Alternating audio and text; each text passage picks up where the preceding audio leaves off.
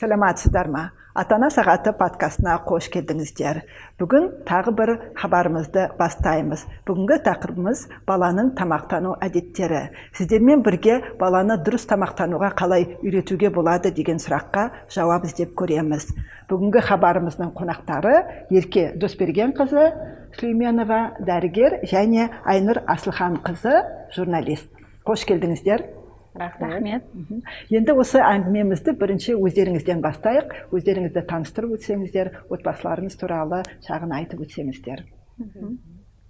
Мен өзім дәрігермін яғни клиникалық фармакологпын. Отбасыма келетін болсам жолдасым да дәрігер екі баланың анасымын. Балаларыңыз нешеде? Балаларым үлкені жетіде кішкентайы бесте. Өте жақсы. Мен журналистпін ә, біздің тура жұмысымызда баланы дұрыс тамақтандыру өте қиынға түсіп жатады. Сонда да үлгеруге тырысамыз. Үш баланың анасымын үлкенім ә, бесінші сыныпқа өтті. Кішім төрт жаста. Өте жақсы. Енді онда баланың дұрыс тамақтануы дегенді сіздер қалай түсінесіздер? Осыған өз ойларыңызды айтып өтсеңіздер. Баланың дұрыс тамақтануы деген жалпы баланың денсаулығы ол баланың дұрыс тамақтануымен тікелей байланысты. Ә, біріншіден мен алғыс білдіргім келеді осындай өзекті тақырыпты көтеріп отырғандарыңыз үшін. Өйткені ә, бүгінгі бала ол ертеңгі біздің ә, қоғамымыздың гүлденуіне атсалысатын азамат пен азаматшалар. Сондықтан да ата анаға бұл ә, баланың денсаулығына жауапкершілікпен қарау ә, баланың тамақтану тәртібін дұрыс ұйымдастыру ә, бұл ата анаға үлкен жауапкершілік деп білемін. Ә, жалпы баланың ә, дұрыс тамақтануы жалпы медицинада ә, әртүрлі мысалға майлар белоктар және дәрумендер көмірсулар бұлар баланың тағамына күнделікті түсіп отыру керек. Яғни күнделікті осы түсіп отырған кезде баланың ағзасына пайдалы қоректік заттар барады дағы бала дұрыс өсіп жетіледі. Енді ә, медицина тұрғысынан алатын болсам баланың мына жас ерекшеліктеріне сәйкес ә, тамақтану тәртібі бар. Яғни оны нөл жас пен бір жас деп қарастыруымызға болады бір жас пен үш жас деп алуымызға болады. Бұл не себепті? Осындай жас ерекшеліктеріне сәйкес бөлінген деген сұрақ туындайды бұл біздің мынау баланың анатомиялық физиологиялық ерекшелігіне байланысты. Адам ағзасында жалпы ас қорыту жүйесі бар. Ас қорыту жүйесі ол бірнеше мүшеден тұрады. Оған мынау ауыз қуысы өңеш ә, асқазан бауыр он екі ішек аш ішек тоқ ішек кіреді. Бұл ас қорыту жүйесінің бір миссиясы бұл біз мына қабылдаған тамақты қорытып шығару. Яғни ас қорыту жүйесінде бұдан басқа 20 түрлі спецификалық клеткалар бар нерв клеткалары бар гормондар бар бездер бар. Ә, бұлардың барлығын сол сөл бөлу арқылы түрлі ферменттер бөлу арқылы мына біздің ағзамызға түскен тамақтың барлығын ыдыратып қорытындысында қорытып шығарады. Сондықтан да осындай бала болған кезде кішкене балада бұл ас қорыту жүйесі өте нәзік. Және ол үнемі даму процесінде кейбір ферменттер тіптен өте деңгейі өте төмен. Сол себепті де біздерде медицинада мынау ә, жас ерекшеліктеріне сәйкес баланы тамақтандыру тәртібі құрастырылған осыған байланысты. Яғни баланың анатомиялық физиологиялық ерекшелігіне байланысты ас қорыту жүйесінің. ә, бұны енді жоғарыда айтып өткенімдей нөл жас пен бір жас деп алатын болсақ қандай тағамдарды беру керек деген сұрақ туындайды ғой. Бұл кезде бала дүниеге келген кезде дәрігерлер баланы бірден ананың кеудесіне жатқызады.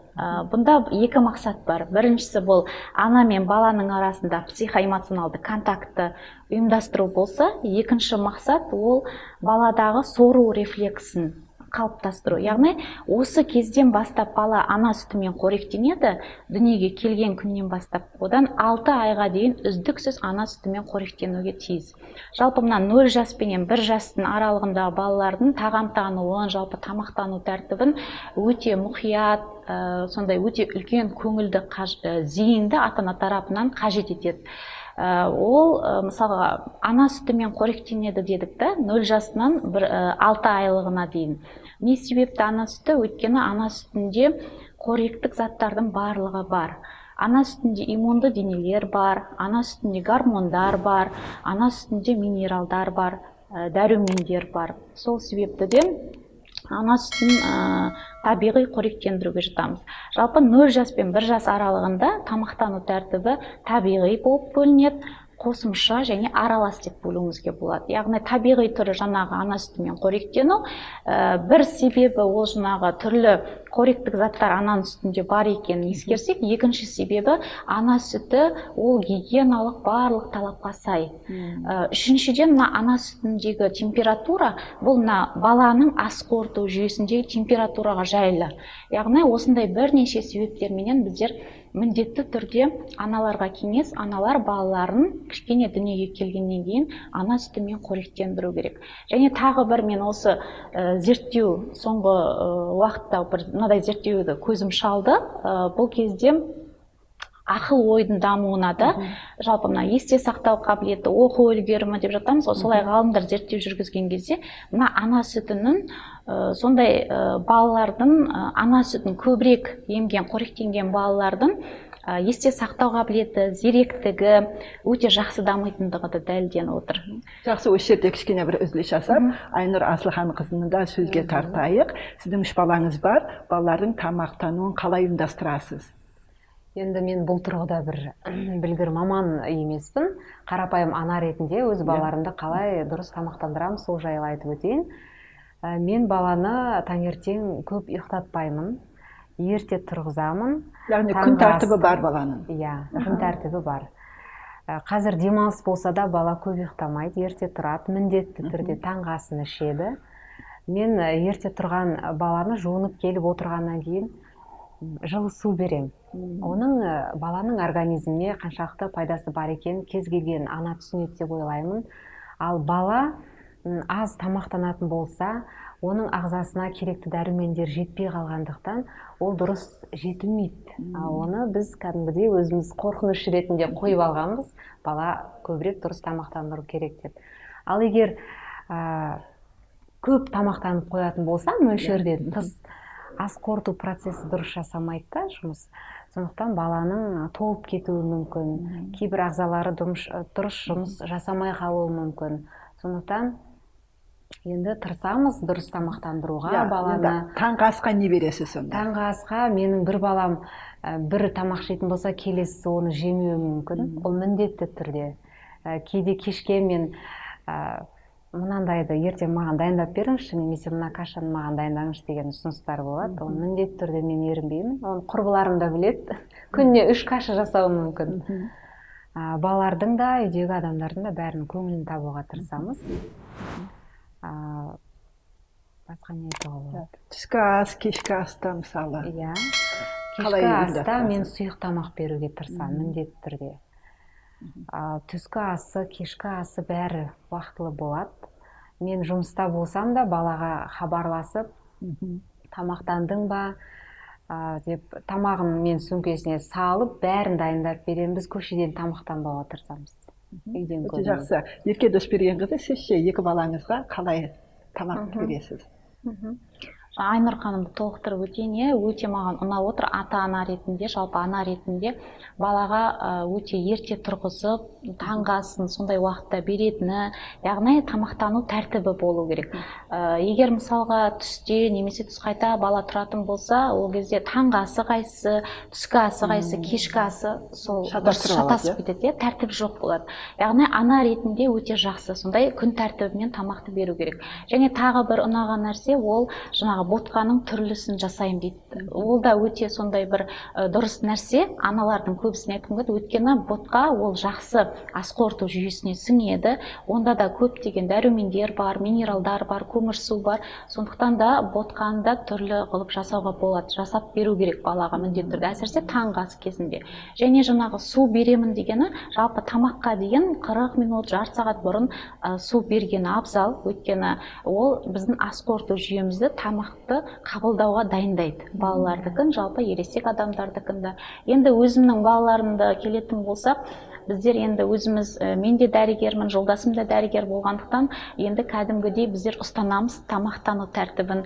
Ол кейде туыстарымыз басқа достарымыз келгенде таң қалып жатады ә, газдалған сусын мүлдем бермейміз. Жаңағы біз негізі екі жасқа дейін ә, медицинада шайды да шектеу керек деген бар. Өйткені шайдың құрамында мына ә, микроэлемент бар. Ә, темірдің сіңірілуін төмендететін нәтижесінде ол қан аздыққа әкеледі. Ә, біздер енді сол шайды бермегенбіз үш жасқа дейін екі баламызға. Енді өздері қазір есейе келе шайды ішпейді.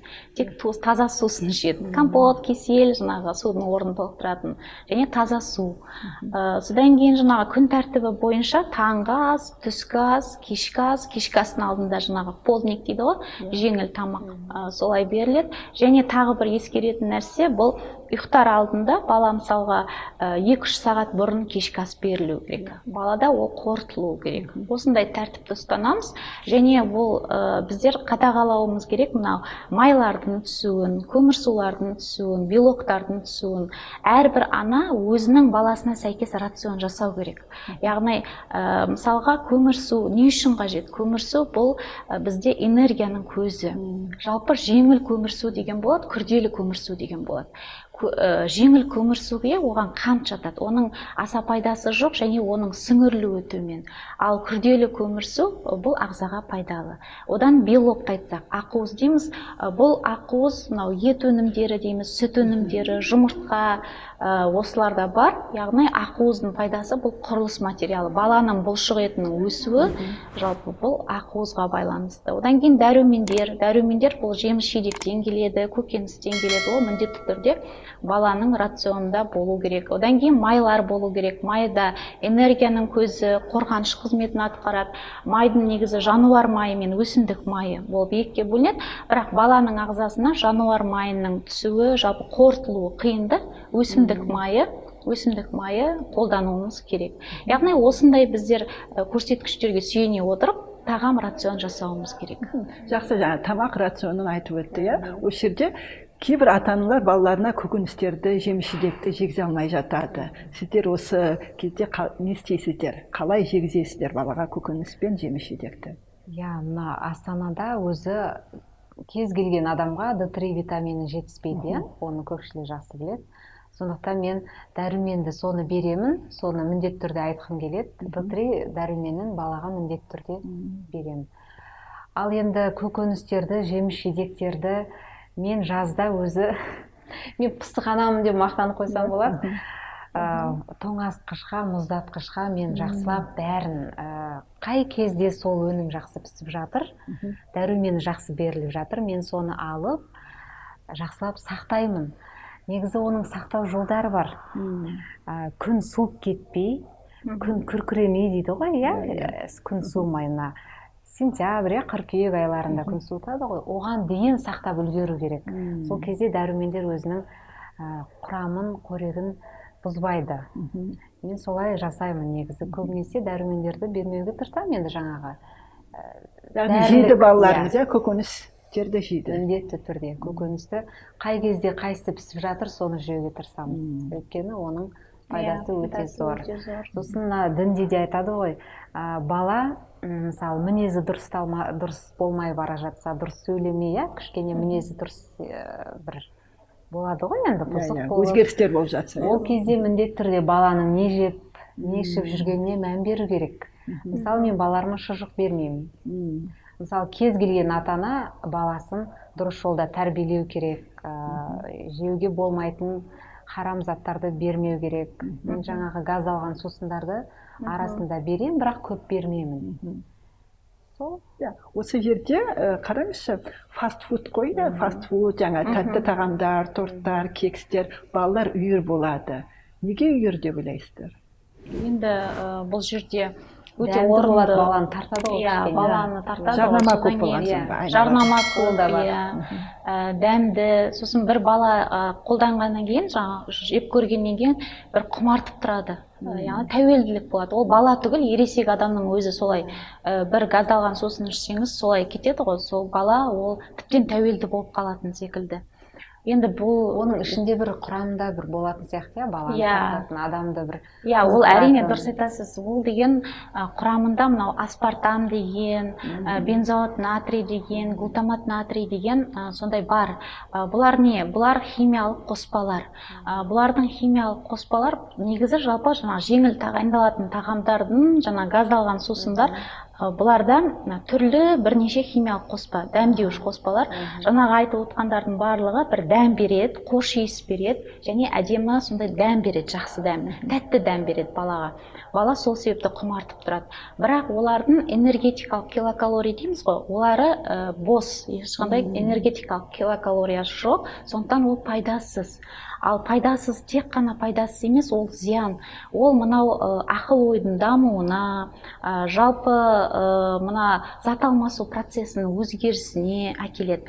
Мысалға былай ойлап қарасақ жаңа айттық қой ас қорыту жүйесі балада өте нәзік деп. Және мына ыдырататын біздің ә, қабылдаймыз май түседі майды ыдырататын ферменттер ересек адамда балаларда деңгейі өте төмен иә? Енді сіз ойлаңыз сондай қуырылған тамақты майлы тамақты ә, күнде кәдімгі бересіз балаңызға. Және ол жиі қайталанады. Жаңағы ағза жұмыс жасайды функциясына жүктеме түседі. Яғни ол ә, жұмысы күшейеді жайлап өзгерістер бола бастайды. Ас қорыту жүйесінде баланың толып иә иә? толып кетуі сіз оны көрмейсіз көзге көрінбейді. Ас қорыту процесінде не болып жатқаны? Ол бір айдан кейін көрінбейді ол бір жылдан кейін көрінбейді ол бір бес жылдан кейін бала бір шағымдануы мүмкін. Сондықтан да тамақтанудың маңызы да осында дұрыс тамақтанудың маңызы осында. Сондықтан да оны бір тәртіп ретінде қарауымыз ол дұрыс нәрсе деп ойлаймын жақсы. Ерке досбергенқызының сөзін жалғап фастфудтың зияны туралы қосымша ақпараттар бере кетейік. Фастфуд тез дайындалатын тамақ. Дүние жүзінде тез дайындалатын тамақтың түрлері көп. Ұлттық тағамдармен бірге фастфуд та өте танымал және жиі қолданылады. Фастфуд сөзін естігенде алдымен ойымызға пицца түседі. Екінші орында гамбург дог бәліштер буррито өте танымал адамдар жиі жейтін фастфудтар. Оған қоса қатты қуырылған картоп фри попкорн жүгері қауыздары суши тағы басқа тағамдар да бар. Тез тамақтану тарихы 1860 жылдары ұлыбританиядағы балық пен қуырылған картоп сынатын шағын дүкендерден басталған. Дегенмен фастфуд сөзі сөздікке тек 1951 жылы енген екен. Фастфудтан келетін ең басты зи- зиян шамадан тыс толықтық холестериннің жоғары болуы асқазан аурулары тіс аурулары депрессия. Балаларға зиян ба деген сұраққа дәрігерлер иә деп жауап береді. Фастфудты жиі жеу оған тәуелді болып қалуға алып келеді. Яғни үйдің дәмді тамағы аяқ астынан дәмсіз сияқты көрінеді. Балалар жеуге тыйым салынатын тағамдарды атап өтейік. Бірінші газдалған сусындар. Газдалған сусындарды балаларға бермеу керек. Әсіресе алкалоид кофеині бар сусындарды.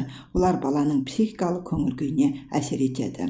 Екінші қуырылған тағамдар. Олар картоп фри пончиктер наггетс қуырылған бәліштер. Бұл тамақтарда көп көлемде май болады және оны жиі жеу астеросклерозға жүрек және қан тамыр ауру- ауруларына алып келеді.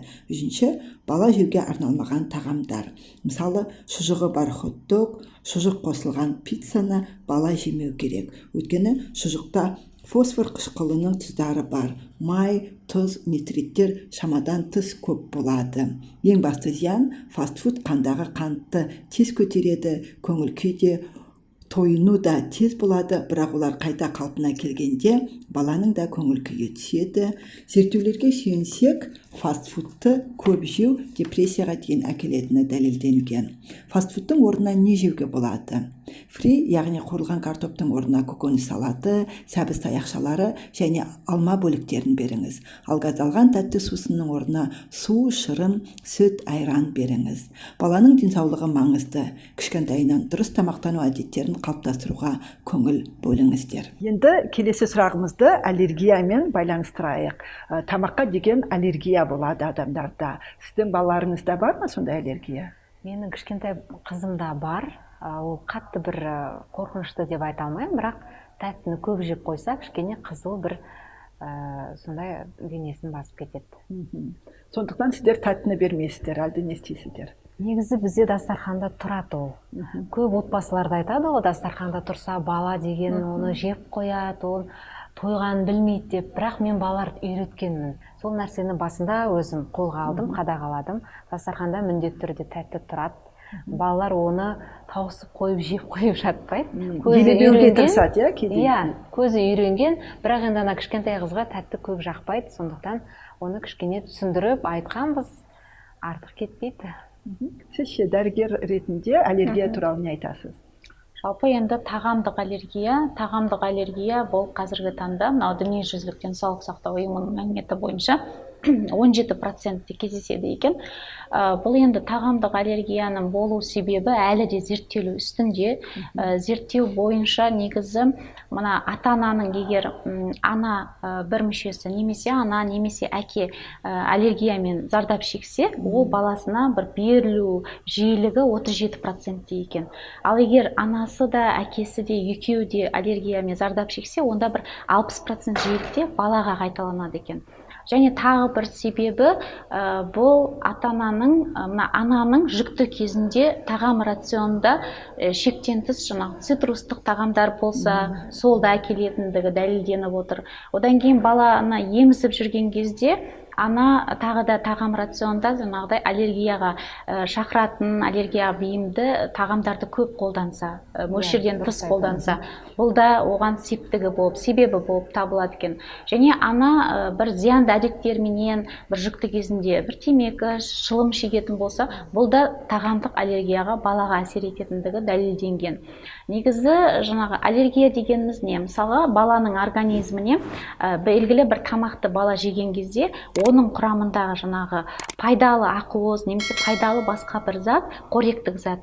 Баланың организмі оны қабылдамайды дағы оған бір қорғаныш ретінде патологиялық реакция пайда болады. Сол патологиялық реакция жаңа айтып отқандай теріде қызарып көбінесе балаларда ол атопиялық дерматит дейміз яғни терідегі өзгерістерменен белгі береді.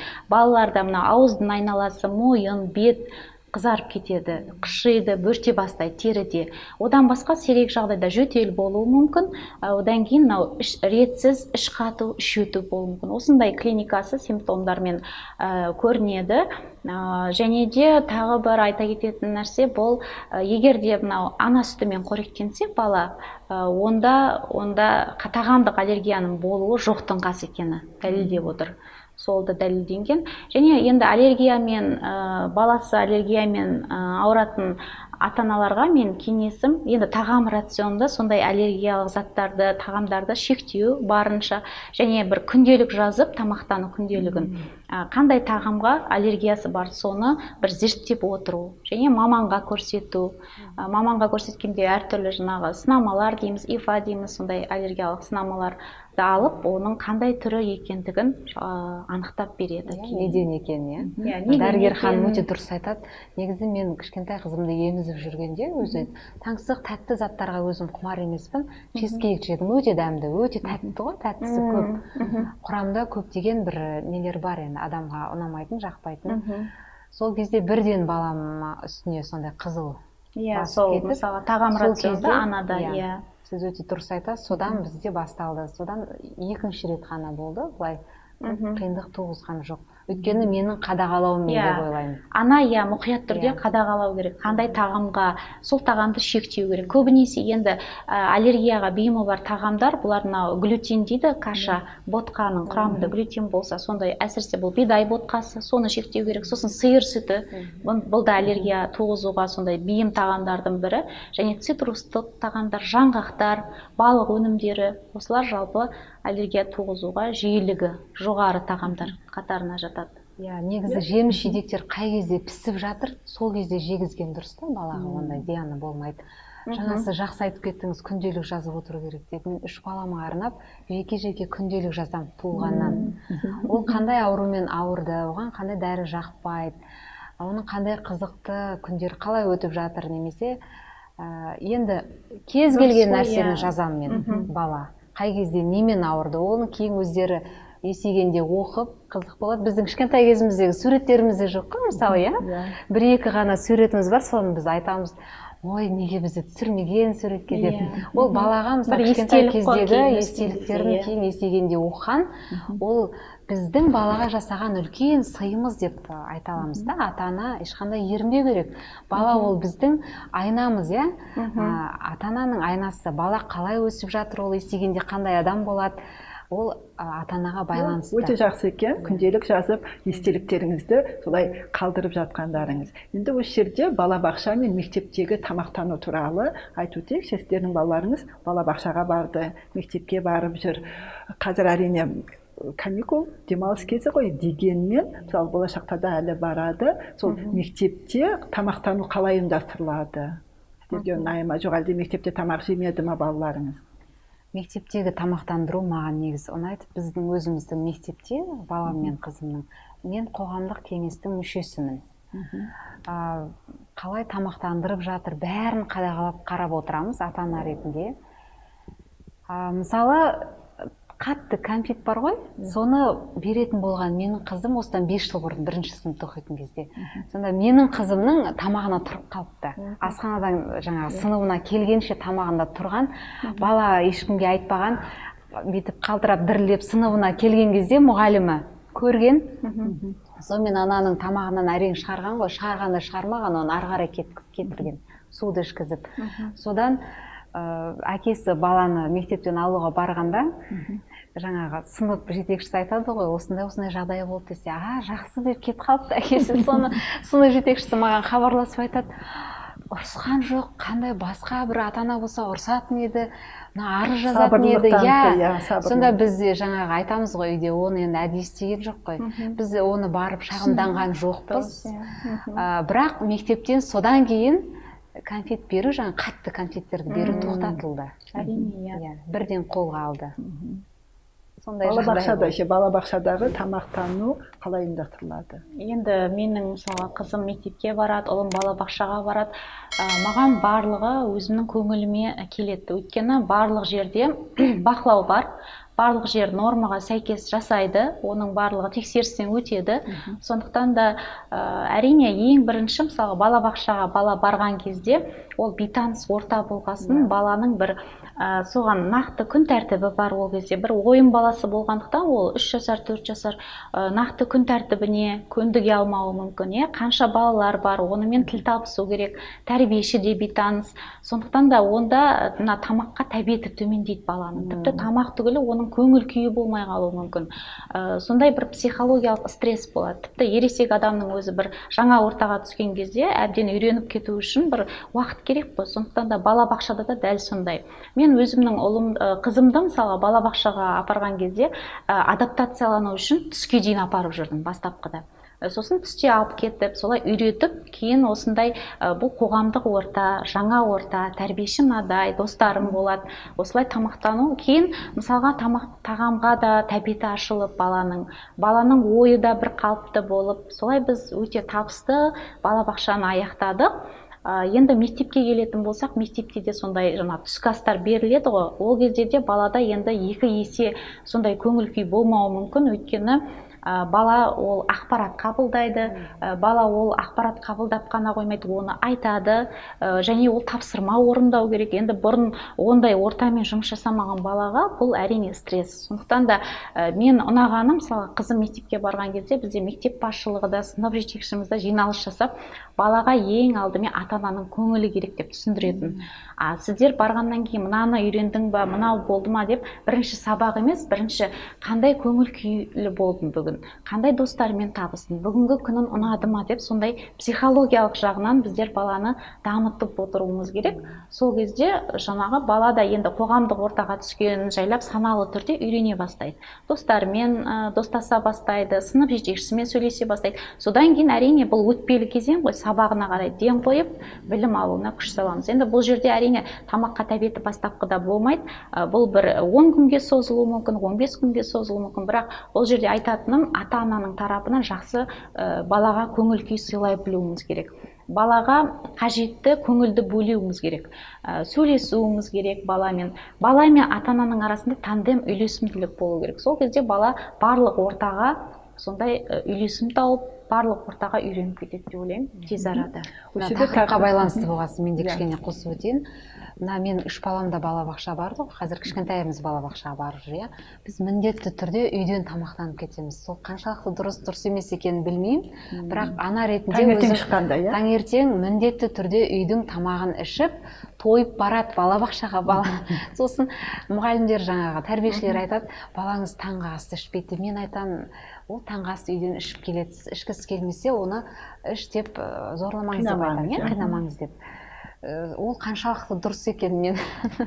Енді дұрыс болғанда сіз енді қатты бақылауда алып отырсыз ғой балаңызды сол себепті де солай сіз Еркіндік беру керек па кішкене? иә енді негізі балабақшаға сенім артып ы, оған ешқандай тамақ бермей жіберсеңіз де болады. Өйткені таңғы асты сол жерден ішетіндей етіп оны бір уақыт өте келе сіз сөйтіп балаңызды үйретсеңіз болады үйден тамақ бермей балабақшада сен тамақ ішесің деп.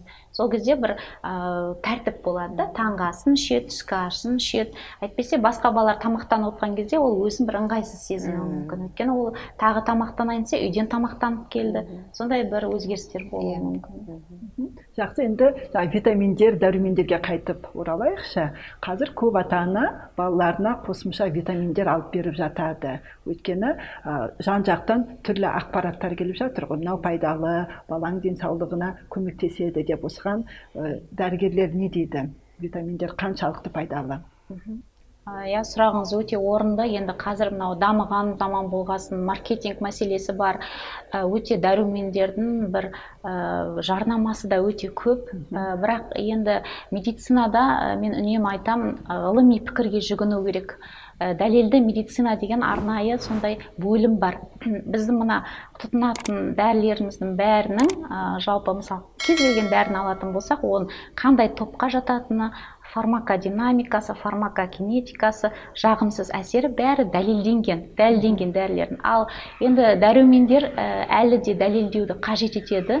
Сондықтан да қандай да бір мен ақпарат айту бұл жерде қисынсыз деп ойлаймын маман ретінде. Өйткені ол ә, дәлелденбеген әлі.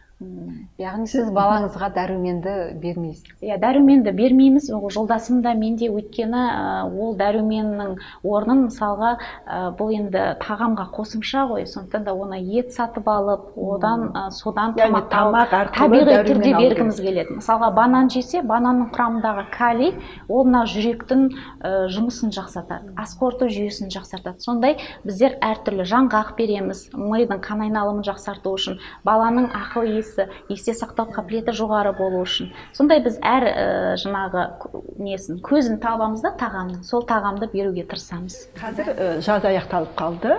Күз басталады сабағымыз басталады. Тіпті онлайн немесе қашықтан оқып жатсақ та баланың күн тәртібі өзгереді. Осы оқу жылына баланың иммунитетін қалай көтеру керек? Не көп жұмыс жасау керек пе? Негізі дұрыс ұйықтап дұрыс ы, уақытылы тамақтанып иә уақытылы ұйықтаған баланың иммунитеті жақсы болады деп ойлаймыз. Таңертең сосын кешкі серуенде балаға көп күш қуат береді. Қазір енді жаз мезгілі болған соң балалар көп ойнап жүр. Иә иә енді балаға дұрыс тамақтану керек балаға дұрыс демалыс беру керек демалу керек жаңағы айтқандай ә, уақытында ұйықтап уақытында тұру керек. Иммунитетті қалыптастыратын мынау ә, жалпы мына тағамтану пирамидасы деген бар. Ә, бұл бұл кезде мынау қарайтын болсақ осы пирамиданың ең пайыздық көрсеткіші жоғары бұл су алып тұр. Яғни балаға көп су беру керек деген сөз. Біз мынау әрбір клеткамыз суды қажет етеді.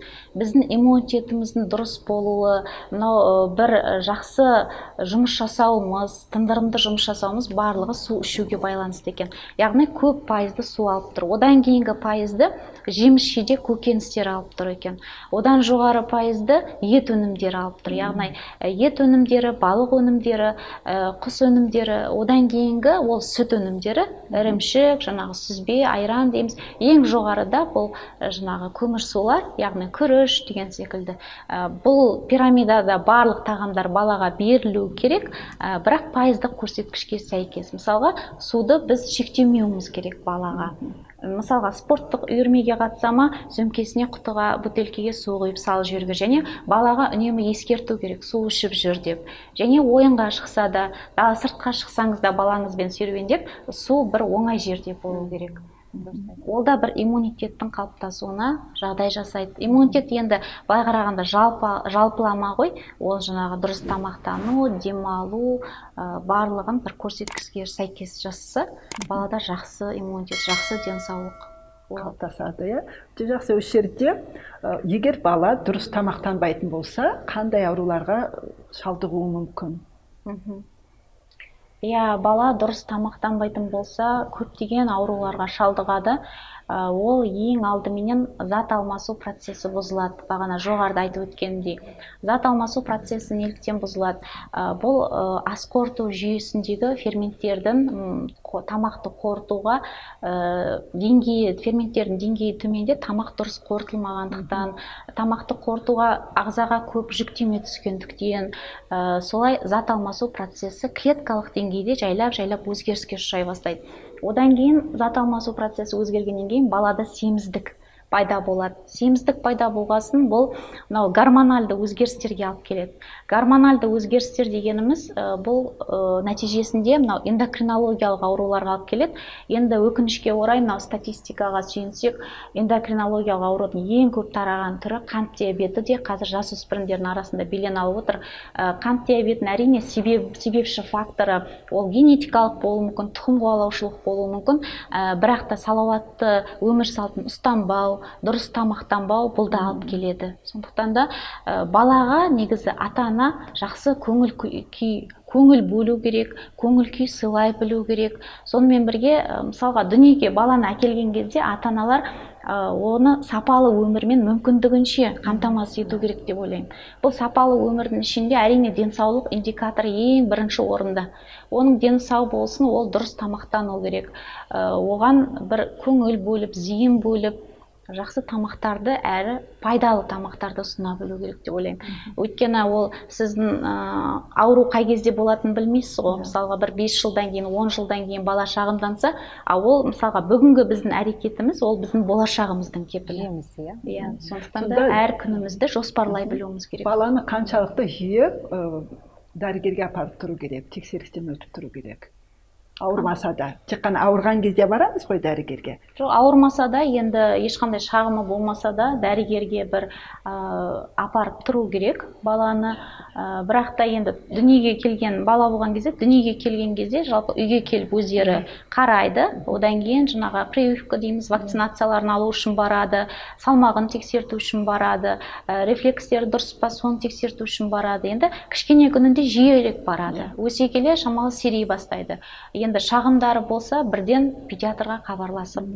Бірден маманмен уақыт өткізіп алмау керек. Бірден маман, маманмен сөйлесу керек. Иә. Жаңағы дайын тағамдарды фастфудтарды жеген балалар тез толып кетеді иә? Мысалы иә, толып иә, кеткен иә. балалар оның көңіл күйі жақсы болмайды мысалы байқасаңыз аурудың ең басты көрінісі. Ә, сосын ол көп балалармен жүгіріп ойнай алмайды тез шаршап қалады.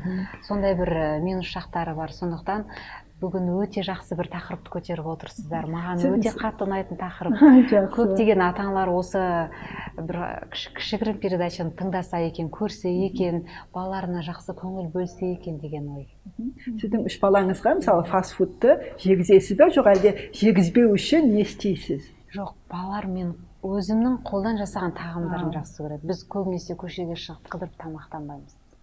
Түсінікті. Жақсы. Ата ана сағаты подкастының бүгінгі түсірілімін нәрікбаев атындағы казгю университетінің ғимаратында өткізіп отырмыз. Осы университетке алғыс айтамыз. Енді бүгінгі ата ана сағаты подкастымызды аяқтайық. Әдемі әңгіме жақсы пікірлер болды. Сондықтан біздің қонақтарымыз ерке досбергенқызы мен айнұр асылханқызына көп рахмет айтамыз. Жолдарыңыз болсын бақытты болыңыздар. Балаларыңыз үлкен азамат болып өсе берсін.